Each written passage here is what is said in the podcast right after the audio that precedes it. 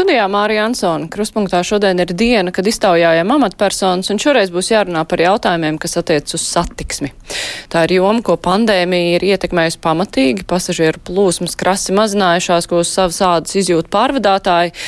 Tikmēr ceļu infrastruktūrai naudas tiks vairāk, jo tas ir viens no veidiem, kā var sildīt ekonomiku.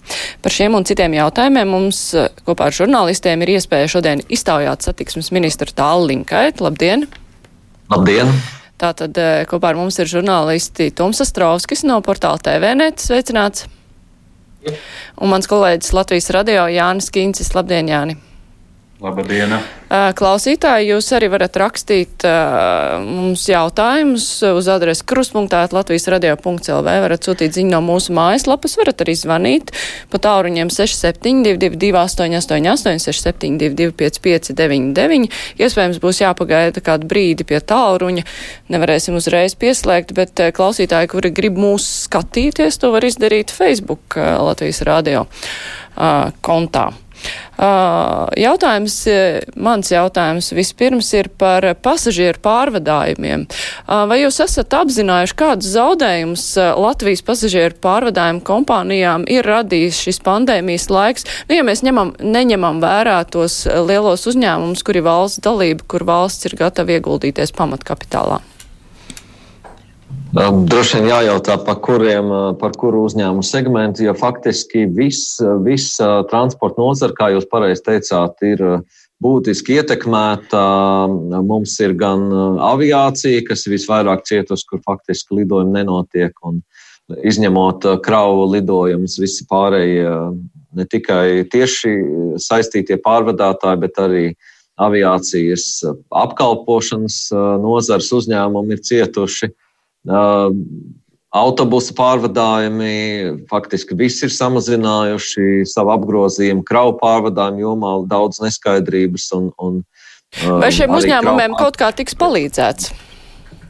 Jā, un katrai šai uzņēmuma grupai mēs arī piedāvājam savus uh, risinājumus atbalstam uh, krīzes pārvarēšanā. Piemēram, kravu pārvadātājiem mēs uh, piedāvāsim transporta līdzekļu eksploatācijas nodokļa uh, samazināšanu uz pusi tuvākos sešu mēnešu maksu uh, samazināsim, lai, lai uh, nebūtu izdevumi. Tāpat arī esam pārunājuši ar lielajiem pārvadātājiem, kā izmantot altumu un, un kā izmantot dīkstāvis pabalstus un, un nodokļu atmaksas termiņu pagarinājumus.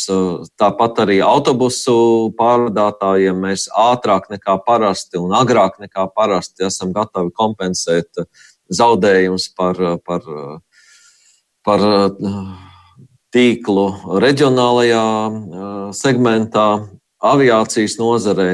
Nu, mēs esam tiešām lielajiem uzņēmumiem piešķīruši līdzekļus ar domu, ka tādā veidā mēs ātrāk spēsim atjaunot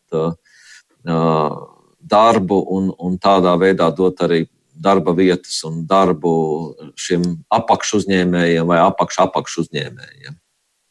Mm -hmm. nu, kolēģi, Tom.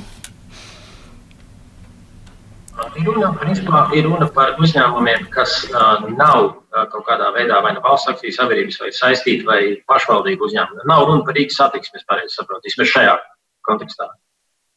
Par atbalstu Rīgas satiksmē. Jo, mm. jo es saprotu, jautājuma formulējums bija par tiem uzņēmumiem, kas nav saistīti ar pašvaldības um, iestādēm vai, vai valsts institūcijām vai valsts akciju sabiedrībām. Es pareizi saprotu? Jautājums ir kam? Jā, tā tad jā, satiksmes ministram valstī pašlaik, mums valstī pašlaik ir, ir plašas iespējas atbalstīt dažāda veida uzņēmumus, un arī faktiski viss šis spektrs mūsu nozarēs tiek aktīvi izmantots. Tātad gan dīkstāvis pabalsti ir uzņēmumi, kas ir principiāli aizvērušies ciet, un visi uzņēmumu darbinieki ir palaisti dīkstāvē un, un gaida vienkārši, kad varēs atsākt pārvadājumus. Tāds, piemēram, Norma A, kas startē zem ekolainas zīmes starptautiskos pārvadājumos, Tad ir lielie kravu pārvadātāji, kas izmanto gan dīkstāvis pabalstus, gan arī finansējuma mehānismus, ko piedāvā Altuma. Un, kā jau minēju, tur būs klāt arī nodokļu atlaides. Gan ir arī citi uzņēmumi, kas tāpatās daļēji saņem dīkstāvis pabalstus un šo finanšu ministrijas izstrādāto regulējumu. Aha.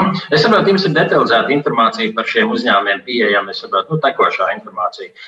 Vai jūs paredzat arī pietiekoši lielu skaitu uzņēmumu, kas vai nu nespējas adaptēties, vai arī nebūs spējīgi, varbūt viņu biznesa modelis nebija rentabls pirms tam. Vai jūs redzat kaut kādas tendences, ka visticamāk uzņēmumi varētu pārstāt eksistēt, izmantojot pašreiz varbūt dīkstāvis un citus atvieglojumus, bet pēc tam jūs redzat arī kaut kādas tendences, kas varētu uh, liecināt par, tā skaitā arī par visām konsekvencēm, kas ir bezdarbs uh, uzņēmumam, teiksim, pārstāvjot darboties un tam līdzīgi. Jūs redzat lielu skaitu uzņēmumu šajā segmentā, kā jūs teicāt, vai, vai to ir pašreiz grūti prognozēt? Ņemot vērā to informācijas detalizētību, kāda jums ir pieejama. Krīze vienmēr ir iespēja, un vienmēr ir arī krīzē tādi uzņēmumi, kas, kas neiz, nepārdzīvo šo vilni un, un kuriem, diemžēl, ir jāaiziet prom no tirgus. Un, ja mēs skatāmies nozares kopumā, tad ir skaidrs, ka aviācijā, piemēram, tas apjoms, kāds bija līdz šim, nebūs ne 2020. gadā, nedz arī 2021. līdz ar to samazināsies gan pakalpojumu apjoms apkalpojošā nozarē, gan arī dažādi remonta pakalpojumi. Un, līdz ar to varētu būt situācija, ka kā, kādā no uzņēmumiem ne tikai samazinās darbinieku skaits, bet arī uh, Bet es saprotu, ka runa bija par vietējo pasažieru pārvadājumiem. Viena lieta ir aviācija, bet vietējie pasažieru pārvadātāji. Vai ir iespējams, ka kāds pazudīs no tirgu šīs krīzes dēļ? Tie pārvadātāji, kas strādāja starptautiskajos pārvadājumos vai neregulārajos pārvadājumos, nu, ja tur bija darbinieki ar, ar vienu autobusu, jā, Mēs ļoti rūpīgi sekojam līdzi, kā, kāds ir sabiedrības noskaņojums un jūtam, ka pat ja mēs atveram tagad robežas un, un pasakām, lūdzu, brauciet, kur vēlaties, cilvēku tā, tā sajūta, sentiments būs piesardzīgs. Un līdz ar to es pieņemu, ka šā gada laikā vairākiem maziem pārvadātājiem arī var neatrasties tas, ko pārvadāt. Kā katrs eh, no viņiem piemērosies un kā izdzīvos, tas būs katrs konkrētais eh, gadījums. Pašlaik mēs nosacītu to situāciju esam iekonservējuši. Mēs piedāvājam dīkstāvus pabalstu, un tas nozīmē, ka visi darbinieki, kas strādā konkrētā uzņēmumā, šo pabalstu saņem. Bet eh, mēs arī zinām, ka dīkstāvus pabalsti tiks maksāti tikai līdz 30. jūnijam, nu, un pēc tam tā situācija var mainīties uz visām pusēm. Kolēģi! Runājot par Air Baltiku, tātad bija šis valdības lēmums par līdz 250 miljonu eiro ieguldīšanu Air Baltica pamatkapitālā. Cik ļoti iespējams varbūt klausītājiem izstāstīt par tiem precīziem mērķiem, pa punktiem, kam, šīs, kam šo finansējumu varētu paredzēt, tad kur to tieši varētu ieguldīt. Un otra daļa tam jautājumam, kad ir gaidāma Eiropas komisijas atbildi, jo es saprotu, ka ir jāsaskaņo šis šis eh, ieskaita pārskaitījums, teiksim tā. Air Baltica eh, šo lēmumu eh, valdība pieņēma balstoties uz Air Baltica biznesa plānu. Un biznesa plāns ļoti detalizēti apraksta gan esošo situāciju, gan tās izmaksas, kādas uzņēmumam ir pašlaik, un arī kādas radīsies biznesa plāna īstenojot. Kā jūs zinat, tad eh, ir plānots samazināt Air Baltica lidmašīnu floti, atteikties no turbopropelleru lidmašīnām un Boeing lidmašīnām, eh, samazināt izmaksas. Un, eh, līdz ar to arī attiecīgi, arī samazinot izmaksas, radās izdevumi. Ja? Tātad, gan par līgumu laušanu, gan par darbinieku atlaišanu, kas ir jākompensē, gan arī mēs pieņemam, ka pat atsākot darbu, pirmie mēneši būs ar zaudējumiem, un līdz ar to šī, šī naudas plūsma ir vajadzīga arī tekošo zaudējumu sekšanai. Vienlaikus mēs arī skatīsimies, kā situācija attīstās, un tāpēc valdības lēmums paredz valsts naudas ieguldīšanu trīs posmos. Ja mēs redzēsim, ka situācija ir labāka nekā bija ieplānots biznesa plānā, attiecīgi visa nauda no šī apsolītā nav jāiegulda. Par Eiropas komisiju mēs nevaram pateikt, kādos termiņos viņi izskata. Svarīgi no mūsu puses un no finanšu ministrijas puses sagatavot visu nepieciešamo informāciju, nosūtīt Eiropas komisijai, nu, un tad tālākā lēmuma pieņemšana ir Eiropas komisijas pusē. Mēs varētu klausītāju zvanu paklausīties. Halo! Labdien! Labdien! Eh, varbūt jūs, ministra kungs, varētu paskaidrot ar Baltiku neizskaidrojamo rīcību ar biļešu tirgošanas atsākšanu no 13. māja. Šobrīd tirsniecība ir pārtraukta un atkal ir solīts kompensācijas. Bet kā ar kompensācijām par lidojumiem krīzes laikā? Tagad pat nav iespējams sakontakties, lai saņemtu skaidrojumu. Patērētāja aizsardzības birojas arī kārtīgi reizi aizstāv komersantu, nevis patērētāja intereses. Tas jau izskatās pēc krāpšanos, kad vecie parādi nav nokārtot un tiek taisīti jauni. Paldies! Jā, tas, protams, ir jājautā pārvadātājiem, un konkrētais gadījums ir, ir jārisina ar pārvadātāju. Uh, Es varu tikai pateikt, ka visā pasaulē visas gan aviokompānijas, gan tur, turisma operatori, gan viesnīcu ķēdes faktiski risina vienu un to pašu jautājumu, kādā veidā atlikt, atlikt samaksu par, vai pareizāk sakot, atmaksu par, par apsolīto pakalpojumu, jo skaidrs, ka nekāda naudas plūsma šobrīd kompānijās nav. Neviens šos pakalpojumus neizmanto. Ļoti ceram, ka jo ātrāk atsāksies gan lidojumi, gan turismu pakalpojumu izmantošana, jo ātrāk būs iespējams arī norēķināties ar visiem iepriekšējiem pakalpojumu saņēmējiem. Tāda tā situācija ir, bet par konkrēto tad lūdzu griezties pie attiecīgā pārvadātāja. Jāni. Jā, es uh, nedaudz citā aspektā par, par šo jautājumu. Ar Baltiku jau no 13. maija īsu brīdi jau piedāvā iegādāties biļetes atsevišķos, uh, ja nemaldos, 14 maršrutos, lidojumos, un tur bija uz Amsterdamu, Stokholmu, Londonu, Briseli, Maskavu kas darīja uzmanīgu konkrēti gala mērķis Maskavu, nu, kur, jāsaka, šī saslimstības izplatība ir krietni plašāka varbūt kā dažās citās vietās Eiropā. Man jautājums būtu par to, tad, kad lidojumi atkal būs iespējami. Jo šobrīd valdība ir pateikusi nē šādam variantam. Tad, kad šie lidojumi atkal kļūs iespējami, eh, vai būs divkārt vai trīskārt izvērtēts tas, uz kurieni lidot tīri no šī pasažieru veselības drošības aspekta? Sāksim ar vienkāršāko, ka, lai kaut kur aizlidotu, ir jāņem vērā attiecīgās valsts ierobe, noteikti ierobežojumi. Piemēram, Krievijā nav atļauti starptautiskie lidojumi šobrīd. Un kā vispār tāda iespēja tīri teorētiski nepastāv.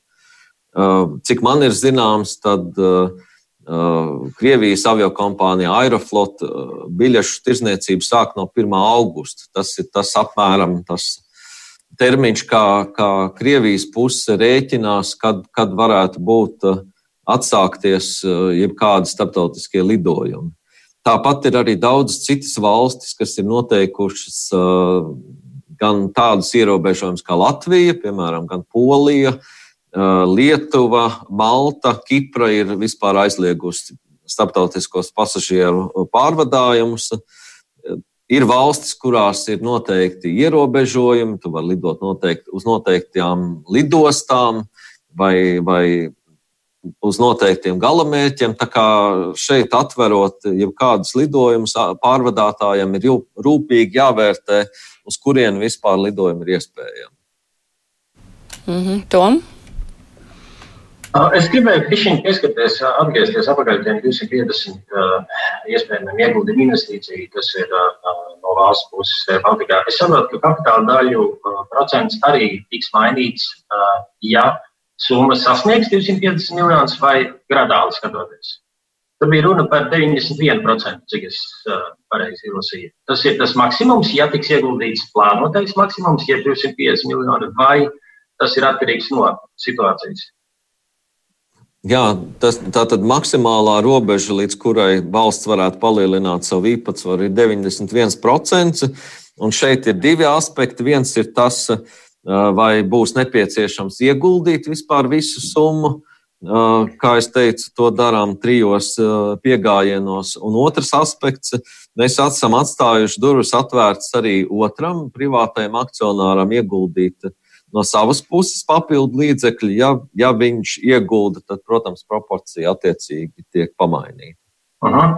tā, tā varbūt būs nedaudz spekulācija kontekstā, bet uh, vai šie minētie 250 miljoni teorētiski runājot šodienas uh, pozīcijās, ir uh, tā iespējamā summa vai apjoms, kas ir nepieciešams, lai Air Baltica uh, spētu, kā jūs uh, arī esat teicis, pārziemot līdz tam pašam augustam, varbūt oktobrim, varbūt vēlāk.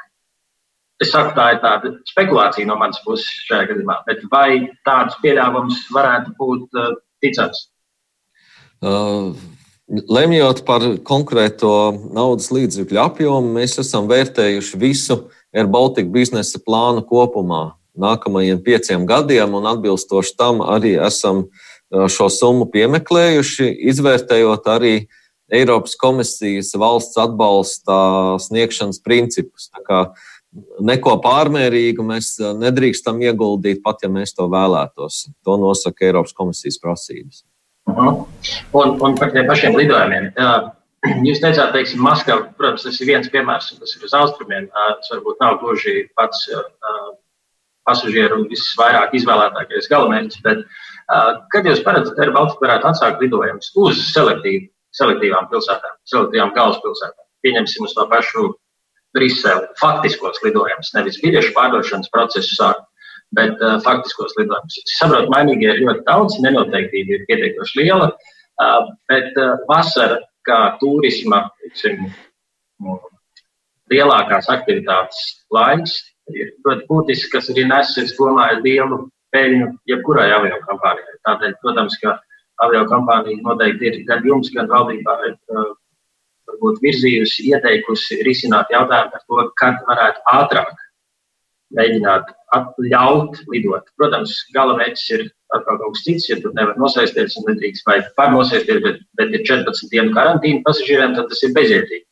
Bet jūs prognozējat kaut kādu mēnesi, varbūt tas varētu būt šogad, Jūs jau pareizi teicāt, ka šobrīd nenoteiktība ir ļoti liela. Es arī redzu no kolēģiem citās valstīs, katra valsts mēģina noteikt savus ierobežojumus un, un arī atcelt šos ierobežojumus savā tempā un raksturā. Un līdz ar to solīt kaut ko šajā situācijā ir ļoti, ļoti riskanti. Un es Eh, jau pēc iepriekšējās pieredzes eh, negribētu neko eh, konkrētu teikt. Ja man būtu jāzīmē, es, es pieņemtu, ka ja augusta mēnesī mums izdotos kaut kur aizceļot tālāk par Baltijas valstīm, būtu ļoti, tas būtu ļoti liels sasniegums. Uh mhm. Jā, es gribētu atgādināt Latvijas radio klausītājiem, Latvijas televīzijas skatītājiem, ka mēs šodien iztaujājam satiksmes ministru tālu linkaitu un kopā ar mums ir žurnālists Tumsas Trauskas no portāla TVNet un Jānis Kincis no Latvijas radio ziņām. Mēs turpināsim tūlīt. Raidījums Krustpunktā. Jā, mazliet pārējot jau pie cita temata. Mm, klausītājs ir uzrakstījis tādu vēstuli. Ir dzirdēts, ka Igaunijas ekre jau nokancelē Real Baltica, kas notiek ar šo projektu, vai no Kaunas līdz Rīgai līnija tiks izbūvēta. Es varbūt papildināšu šo jautājumu ar. Uh, Netik sen bija problēmas starp Baltijas valstīm un bija problēmas ar Real Baltica pārvaldību. Un, kā mums teica Eiroparlamenta deputāts Roberts Zīle, ka ja līdz maijam šīs problēmas netiks atrisinātas, tad ir jāuztraucas gan par šajā pašreizējā daudzgadu budžetā paredzētās tālākās naudas izmantošanu, gan arī par šim projektam paredzēto naudu nākamajā daudzgada budžetā Eiropas Savienības. Vai pārvaldības problēmas Real Baltikā ir atrisinātas?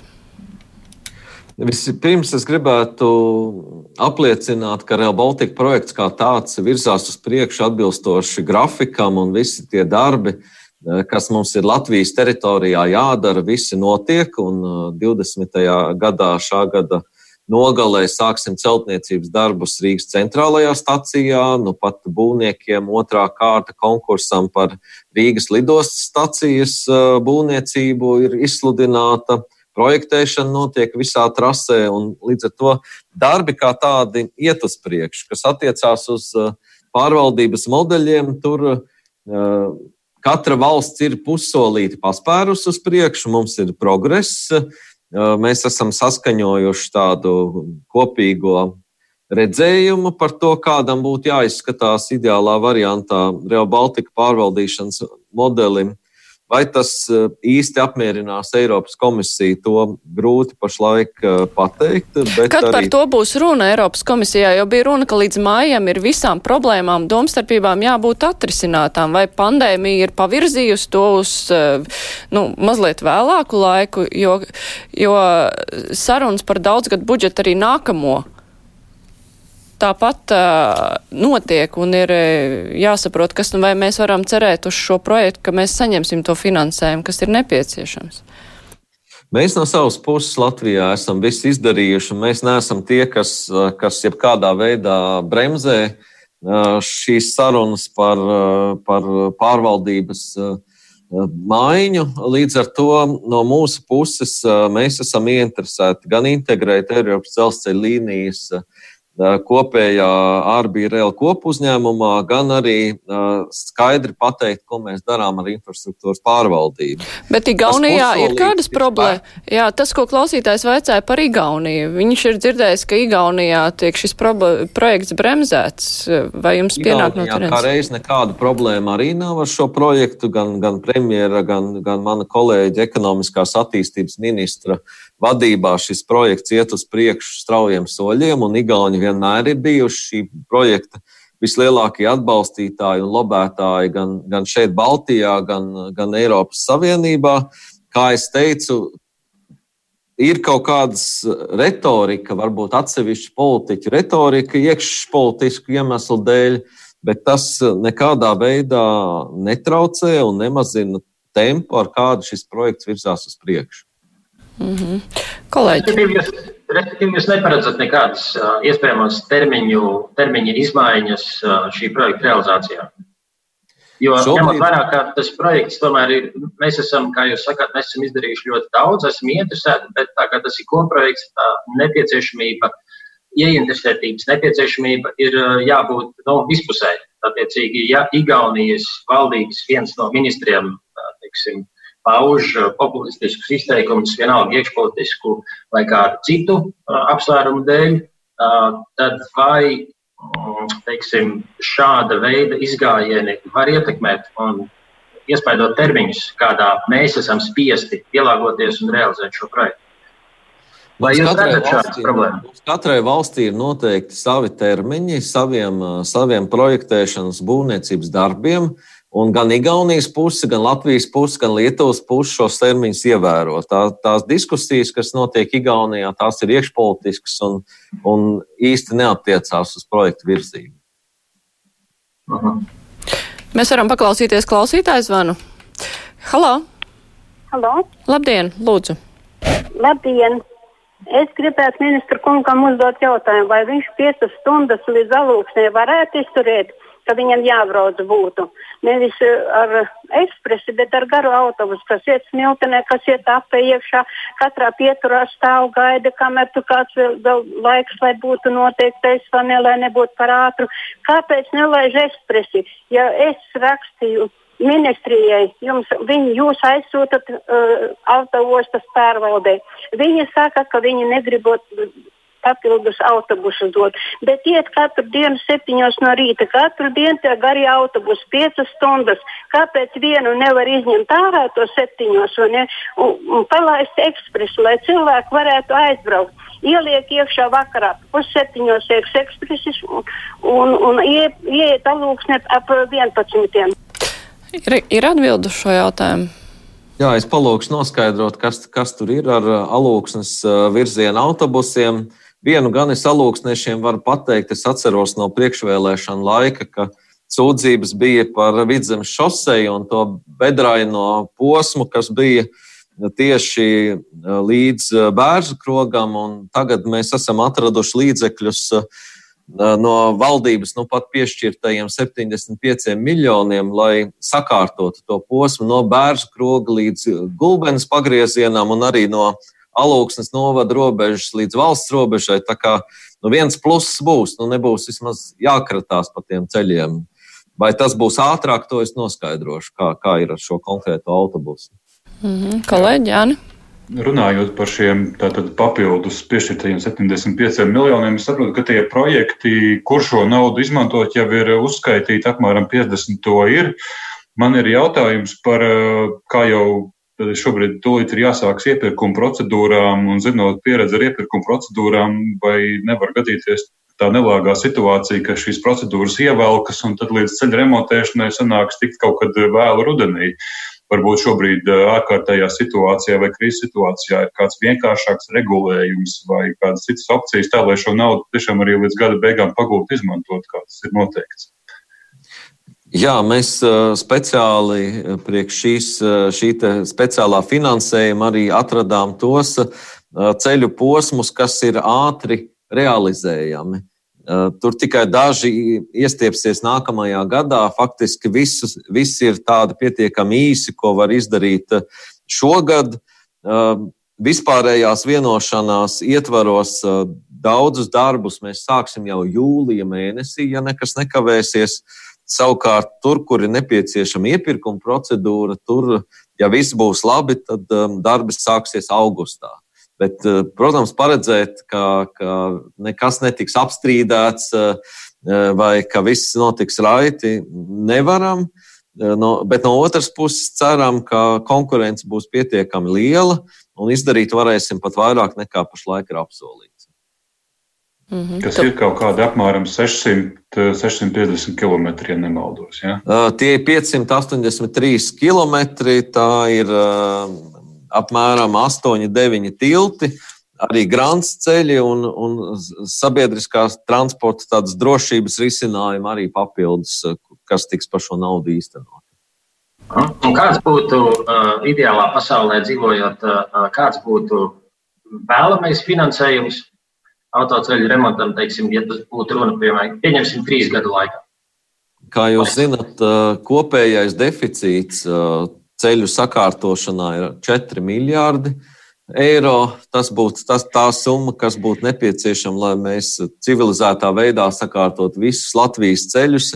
Nu, tad attiecīgi var parēķināt, cik mums būtu nepieciešama līdzekļi. Mēs kā ceļinieki priecājamies par katru eiro, kas mums papildus ir iedalīts, un šogad būtu grēks sūdzēties, jo gan bāzes finansējums bija pietiekami labs starta šāviens, gan arī šī papildus nauda, 75 miljoni, gan arī mēs ietaupījām, mums bija laimīgā kārtā viegla ziema, arī tur ietaupījām līdzekļus, ko liekam lietā pašlaik ceļu saguma atjaunošanā.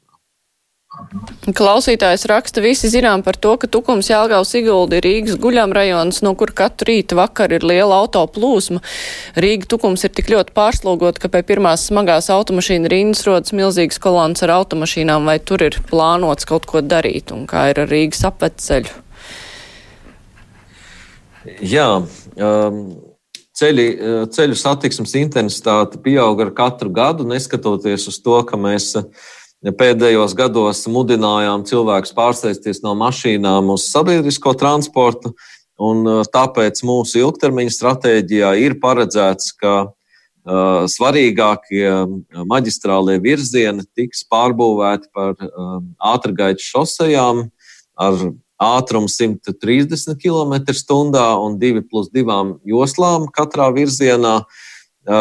Lai kaut ko sāktu jau šajā, virz, šajā jomā darīt, projektēšanas darbi Rīgas apveceļā jau no Babītes līdz ķekavai tiks organizēti tā, lai, lai šo ātrgaitas, ātrgaitas maģistrāles principu ieviestu. Tātad mēs šogad pasūtām pirmos darbus gan Rīgas apveceļa pārveidošanai par ātrgaitas maģistrāli, gan arī tam posmam, kas paliek neasfaltēts no Sēnītes līdz Siguldai, arī būs ātrgaitas uh, ātrgaitas visi nosacījumi un, un projektēšanas darbi arī tiks pasūtīti šogad. Vēl viens klausītājs zvans. Halo! Labdien! Labdien! Gribēju pajautāt, varbūt ministru kungam ir kādas ziņas par gaidāmās polijas zemes, sau, nu, sauszemes robežu atvēršanu, lai personu, nu, cilvēks varētu atgriezties ar privāto mašīnu no, no Spānijas mājās. Šobrīd nekādi nevaru iepriecināt. Polija nav devusi tādu ziņu, ka tuvākā laikā gatavotos atvērt robežas. Un, ja ir vēlme atgriezties mājās ar privāto transportu, tad šobrīd to var izdarīt caur Vāciju. Vācijā uzkāpjot un uzbraucot uz prāmja, trāvemindē un nonākot Liepājā. Mm -hmm. Kolēģi? Man bija viens jautājums par, eh, atceroties gada sākumā Latvijas dzelzceļa paziņojumu par to, ka šā gada laikā nāksies kravu apjomu un darbu apjomu krituma dēļ atlaist līdz 1500 cilvēku. Vai šīs ārkārtējās situācijas un Covid-19 krīzes situācija nav kaut kādā veidā šo plānu koriģējusi? Varbūt cilvēkus pietur vai arī nāksies tomēr atlaist gluži otrādi, varbūt vairāk cilvēku par to ir kas zināms? Um, krīze vai, vai problēmas uh, dzelzceļā sākās jau pagājušo gadu, un tam nav saistība ar, ar uh, vīrusu, tam ir saistība ar Krievijas strateģiskiem lēmumiem, un tagad tam ir pievienojies vēl klāt arī naftas cenu kritums pasaulē. Uh, attiecīgi, neviens nevēlas uh, pārvadāt naftas produktus un, un, un domā tikai, kur tos uzglabāt un sagaidīt, kad cena atkal celsies. Līdz ar to faktiski nekas nav mainījies tajā situācijā. Un arī visi tie darbi, ko Latvijas dzelzceļa vadība ir iesākusi, gan izmaksu samazināšanas jomā, gan procesa pārskatīšanas jomā, gan jauna biznesa modeļa veidošanā, viņi visi iet uz priekšu un, cik es zinu, straujiem tempiem. Klausītāji vaicā, kas notiks ar Tallink prāmju satiksmi, kad atsāks kursēt Tallink prāmji, zinot, kas notiek Zviedrijā, un vai tur strādājošos neietekmē dīkstāvi, kas ar tiem cilvēkiem, kas no Latvijas strādā uz Tallink? Konkrētā atbilde droši vien, ka jāsniedz ir pašam, pašam uzņēmumam.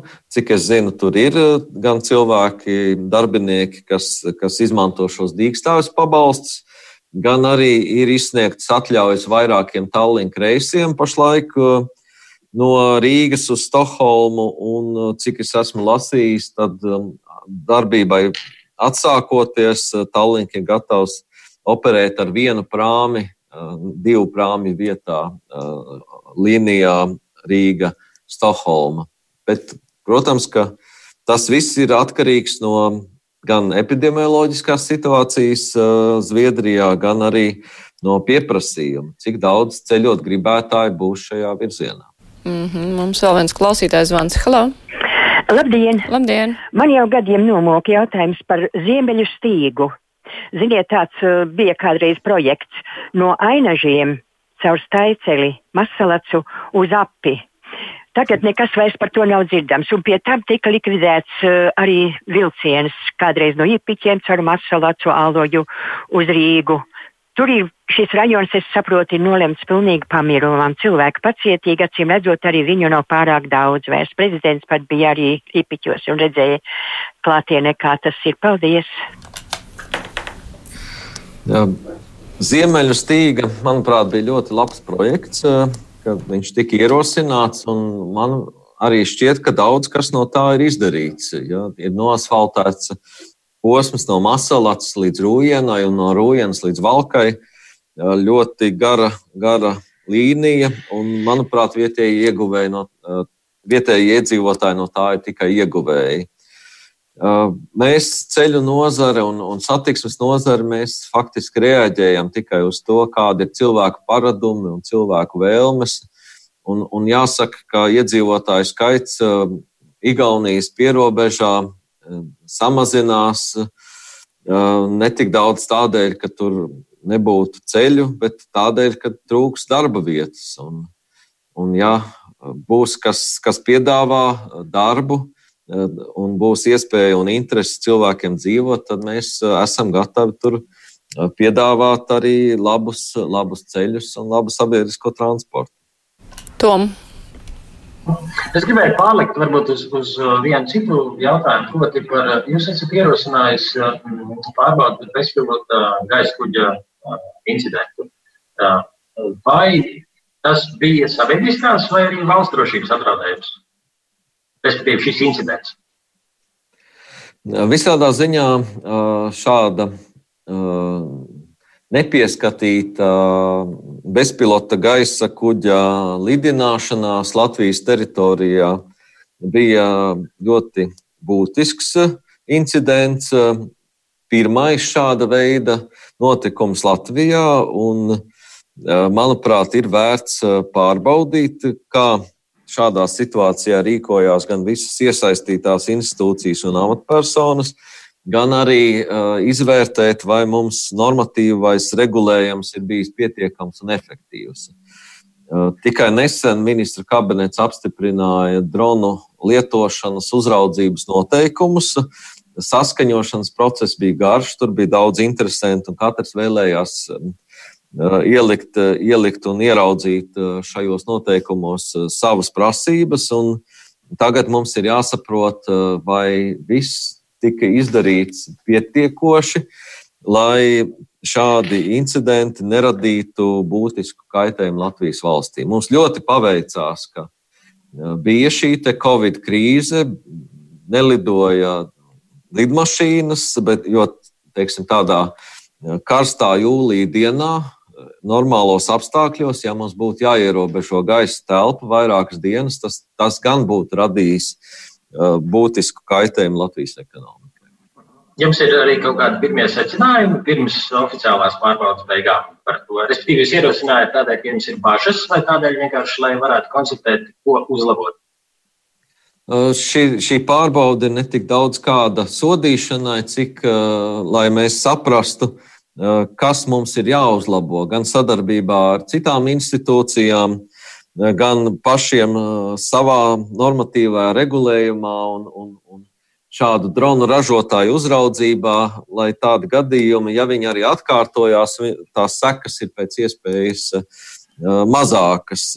Cik es zinu, ir ļoti daudz Latvijā dronu ražotāji, kas, kas cer, ka šis bizness tikai plauks un attīstīsies, un arī mūsu interesēs nav kaut kādā veidā viņus ierobežot. Es ļoti ceru, ka, ka Latvija būs dronu ražošanas lielvalsts, bet, nu, lai tad tiktu ievērot arī visi piesardzības pasākumi, kas ar to ir saistīti. Mums klausītājs raksta tā, ka viņš atceras priekšvēlēšanu laiku, kad jūs dikti kritizējāt Ušakovu un tiltu stāvokli Rīgā, teicāt, ka arī satiksmes ministrijā jāiesaistās galvaspilsētu tiltu salabošanā. Tagad pats esat ministrs vai iesaistīsieties, turklāt Rīgas domtaita vada koalīcijas ielikt administrātori, varētu sadarboties. Jā, mums bija nu, pat nesen pirmā tikšanās ar eh, jauno Rīgas eh, pagaidu administrāciju, un tieši runājām par to, kā satiksmes ministrija var palīdzēt eh, sadarbībā ar, ar, ar Rīgas departamentiem. Mēs labprāt vēlētos redzēt aktīvāku Rīgas domas pozīciju dažādu projektu īstenošanā, gan kas attiecās uz Real Baltica līnijas uh, ievadīšanu Rīgā un, un, un apkārtnes sakārtošanu, gan arī, protams, vispārējā transporta plānošanā un koordinēšanā, gan par multimodāliem pārsēšanās punktiem, tur dzelzceļa stacijas. Bet tur bija jautājums tieši par tiltiem. Jautājums bija par tiltiem, kas Rīgā ir katastrofālā stāvoklī. Tilti ir Rīgas domas atbildība, un, un mēs arī esam norādījuši vairāk kārt uz tiem trūkumiem, kas ir līdzekļu izlietošanā. Es ceru, ka pie jaunās administrācijas beidzot gan Daglava tilts, gan Brasas tilts nonāks pie kaut kāda risinājumu. Mēs Tad satiksmes ministrijai tur nav jāiesaistās, jūsuprāt. Satiksmes ministrijai tur jāiesaistās nav, jūsuprāt. Jo agrāk jūs teicāt, ka būtu. Mēs arī esam, tad, kad vēl bija, uh, ja nemaldos, tā bija Ušakova administrācija, mēs arī nosūtījām pārbaudi uh, par valsts līdzekļu izlietojumu Rīgas saimniecībā tieši ceļu jomā, un, un tas audits atklāja daudzas nepatīkamas lietas. Tur bija arī uzrēķins, ja es pareizi atceros, Rīgas domēji, bet nu, tīri tā ikdienas tiltu labošanas darbā mēs iesaistīties nevaram. Mēs gaidām no, satiks, no satiksmes departamenta Rīgā priekšlikumus, kur varētu, piemēram, Eiropas Savienības līdzekļus, tos, kas vēl palikuši neizmantoti, izmantot tieši Rīgas transporta sakārtošanā, tā skaitā arī pārvados uh, un, un citos objektos. Varbūt var uh, reanimēt ideju par park and ride laukumiem, kas bija aktuāli pirms gadiem, šķiet, desmit. Jā, mums nekāda iebilduma nav, diemžēl, no Rīgas domas. Nu, droši vien, ka tur ir liela birokrātiskā inerce. Nekas, nekas pagaidām tāds interesants līdz mums nav atnācis. Kolēģi? Man bija jautājums par, um, par tādu strateģisku lēmumu, kas, uh, kas ir procesā jau vairākus vai daudzus gadus, proti par TET un uh, Latvijas un LMT apvienošanu vai to kapitāla daļu iespējamā pārņemšana. Kāds ir jūsu viedoklis par šo un kā, vai ir kāda virzība šajā procesā? Nekāda virzība šajā jautājumā nav. Sākoties, stājoties pie pienākumu pildīšanas, šī valdība izpētīja situāciju, veica vienu pārunu apli ar, ar ārzemju akcionāriem un palika pie tā, ka, ka ka neko būtisku izmainīt eh, nav mūsu interesēs. Tam ir visticamāk konkrēti kriteriji, kādēļ uh, jūs lēmāt, teiksim, vismaz Kariņa valdība lēma uh, nevirzīt šo jautājumu tālākai izskatīšanai. Tam ir, teiksim, argumentācija varētu būt kāda, jūsuprāt, kādēļ to nedarīt? Mūsu interesēs ir, lai, lai šie sakaru uzņēmumi būtu konkurētspējīgi, eksportspējīgi un, un dotu lielu pievienoto vērtību Latvijas ekonomikai. Tā, tā ir tā mūsu galvenā interese. Un, uh, ja kādas uh, pārmaiņas ir iespējamas tikai virzienā, lai, lai padarītu šos uzņēmumus eksportspējīgākus, konkurētspējīgākus arī starptautiskā tirgu no ārzemju akcionāra mēs neredzējām tādu piedāvājumu, kas, kas varētu apliecināt šo virsību. Vienkārši pastāv viedoklis, ka valstī šāda līmeņa telekomunikāciju uzņēmumos līdzdarboties vajadzētu minimāli. Tāds ir vairāk finansistu viedoklis attiecībā uz šo nozares, varbūt specifisko pusi. Tur jāskatās, ir vairāki aspekti. Viens ir finansiālais uh, aspekts, vai, vai šis Latvijas valsts ieguldījums uh, dod pietiekamu atdevi. Otrs ir uh, strateģiskais aspekts, vai mums telekomunikācija nozare ir svarīga, vai tam ir kāda strateģiskā nozīme. Nu, tāpat, tā ir tā pati kritiskā infrastruktūra, kas dzelzceļš, lidosta, augstsprieguma tīkli un tam līdzīgi. Uh, Tā kā šeit uh, tiek vērtēti visi aspekti, ne tikai tas, ka, ka vienā vai otrā valstī šis, šāda veida uzņēmums ir privāts vai nav. Klausītājs grib uh, uzzināt, vai Covid krīze neietekmēs jauno elektrovilcienu piegādes termiņu. Šobrīd uh, tās indikācijas no ražotāja nav tādas, ka, ka kaut kas būtiski nobīdītos.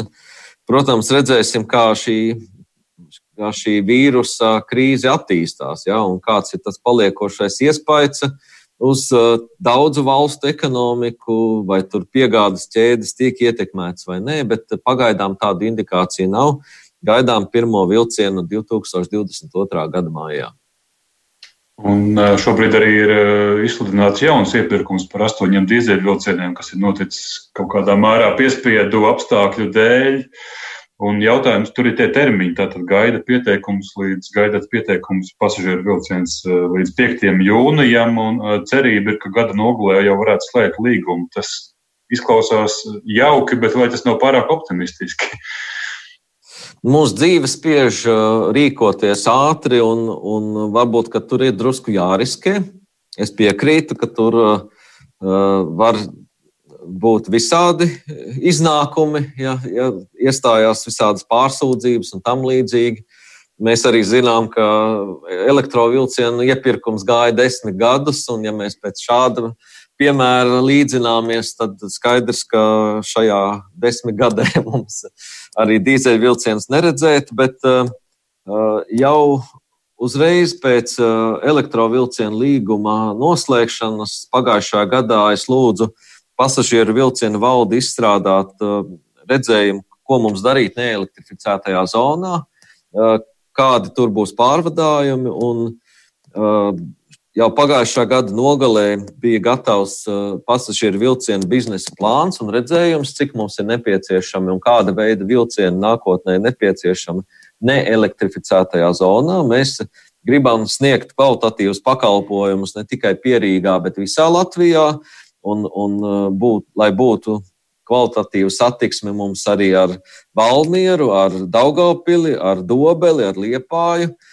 un uh, tam ir nepieciešami jaunu vilcienu sastāvi, plus mūs visu laiku izaicina uh, gan uh, šo esošo dīzeļvilcienu vecums, gan arī tas, ka mēs esam atkarīgi no Krievijas ražotājiem, kas ir saražojuši dīzeļvilcienu dzinējus, un, un tie ražotāji ir no Krievijas militāra rūpnieciskā kompleksa. Ilgi mēs paļauties uz šādu piegādātāju arī nevaram. Tāpēc, jo ātrāk uh, mums būs jauni sastāvi, uh, jo tas būs labāk. Tagad mēs esam atraduši finansējumu, Eiropas Savienības līdzekļus, saskaņā ar kuriem nu, mums ir tie līdzekļi jāapgūst līdz 23. gada beigām. Tāpēc arī tāds uzstādījums, ko mēs varam iegādāties par šo naudu līdz 2023. gada beigām. Mums klausītājs ir piezvanījis. Halā! Halā! Labdien! Labdien! Uh, paskiet uh, uh, par Bauskas ielu, uh, Skaiskalnas pieturu. Uh, tramvajā nevar iekāpt no autobusa, braucot no pilsētas, nevar izkāpt, jo, jo nav uh, normāla iekāpšana. Tas ir par Rīgu runājot, par Rīgu runājot. Jā, jā, jā Bauskas ielu. Nācīm redzot, tas ir tomēr pašvaldības. Tas būs jautājums Rīgas pilsētai. Jā. Klausītāji ir uzdevusi jautājumu, vai jums, kad politiski represētajiem tiks atjaunoti bezmaksas braucieni satiksmes līdzekļos?